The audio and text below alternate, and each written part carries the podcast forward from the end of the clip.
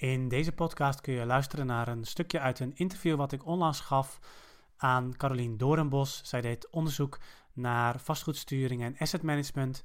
En we hebben het dus gehad over een aantal onderdelen daarvan en eh, wat er allemaal bij komt kijken. En in deze podcast dus een eh, klein stukje uit dat interview.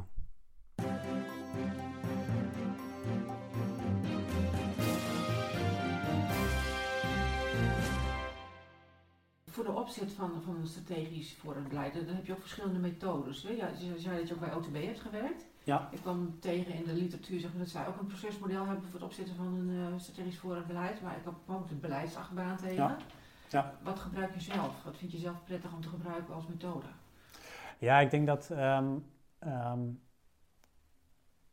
ik, ik, ik zie, zeg maar, het zijn natuurlijk. ehm, eh, er zijn modellen en er zijn nog wel meer modellen. Ja. En ehm, als ik denk als je die modellen ontrafelt, dat je ziet dat er heel veel eh, bouwstenen eigenlijk Mhm. in, in een heleboel. dat die modellen daarin overlappen. Dus als je de modellen uit elkaar haalt en je haalt alle bouwstenen eruit. Ja. En die zet je naast elkaar, dan zie je eigenlijk in het OTB-model en in het eh, RIGO-model en ook in andere modellen ongeveer dezelfde eh, bouwstenen. Alleen ze zijn iets anders georganiseerd. Dus zeg maar, die modellen helpen vooral om, om, eh, ja, om je te helpen om, om te bedenken van oké, maar hoe ga ik dan die bouwstenen op elkaar laten aansluiten? Ja. En in dat, in dat verband is zeg maar, die beleidsachtbaan wel een hele mooie Mhm. omdat je daar heel goed kunt zien hoe je dat strategische niveau laat aansluiten op het, eh, het, het tactische niveau. Ja. Ehm, en uiteindelijk ook op het operationele niveau. Dus, eh, ehm, dus dat is daar wel een hele mooie. En ehm, er zijn ook heel veel modellen, die zijn dat is vooral een stappenplan. Ja. Ehm, en wat ik zelf, ik laat zelf heel vaak het plaatje zien, waarbij ik dus die bouwstenen heb Ja. die dus ook in de beleidsachtbaan zitten, ook in het OTB-model, ook in andere modellen. Maar om ze dan vervolgens in de, in de jaarcyclus te plaatsen van de coöperatie. En om, het op- om het op die manier zichtbaar te maken. Dat, dat vind ik dan nog wel een aanvulling Ja.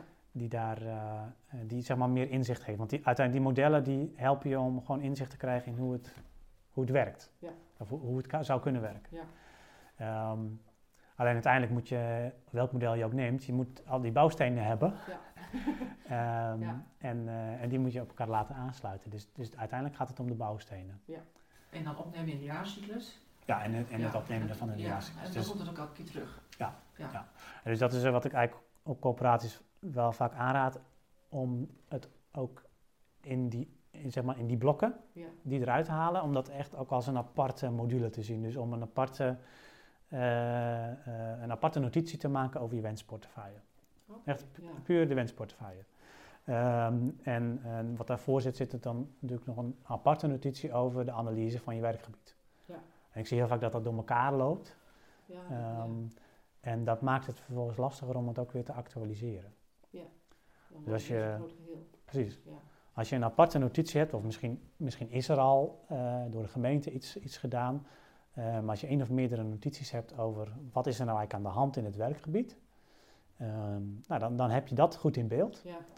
Eh, en dan heb, kun je een aparte notitie maken, hoeft het maar drie, vier pagina's te zijn, waarin je zegt, nou, dit is, dit is wat wij graag willen Ja. qua omvang van onze voorraad. En dat is in deze en deze categorieën onderverdeeld. Eh, en dat is, dat is je wensportefeuille. En daar natuurlijk verwijs je dan weer naar het andere document of Ja. naar de, naar de ben- daar Ehm, bedoel je eigenlijk op voort. precies, borduur je op voort. Eh, maar doordat je dat in een apart, eh, apart document doet, Ja. kun je hem er ook makkelijk weer als, bloks, als blok, Ja. als bouwsteen uithalen Ja. om hem, om hem te actualiseren. Ja. Want dan, ehm, kijk, je zult misschien niet volgend jaar een, weer opnieuw een woningmarktonderzoek doen. Maar je kunt wel kijken van oké, maar met de nieuwe beleidsuitgangspunten of met wat we nu weten, ehm, kijken we dan nog hetzelfde naar die analyse en betekent dat nog steeds dezelfde wensportefeuille Ja. bijvoorbeeld. En actualiseer je op dat moment of dan pas je op dat moment alleen die wensportefeuille aan. Ja. Ehm, en je vult misschien nog een extra notitie aan eh, eh, in, in de analyse van je werkgebied, et cetera. Ja.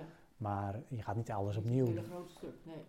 Ja. Dus, dus, dus, dus op die manier, ehm, en, zeg maar, je asset management is dan ook weer een apart onderdeel. Ehm, de manier waarop je dat gaat invoeren is ook weer een apart, eh apart blok daarin.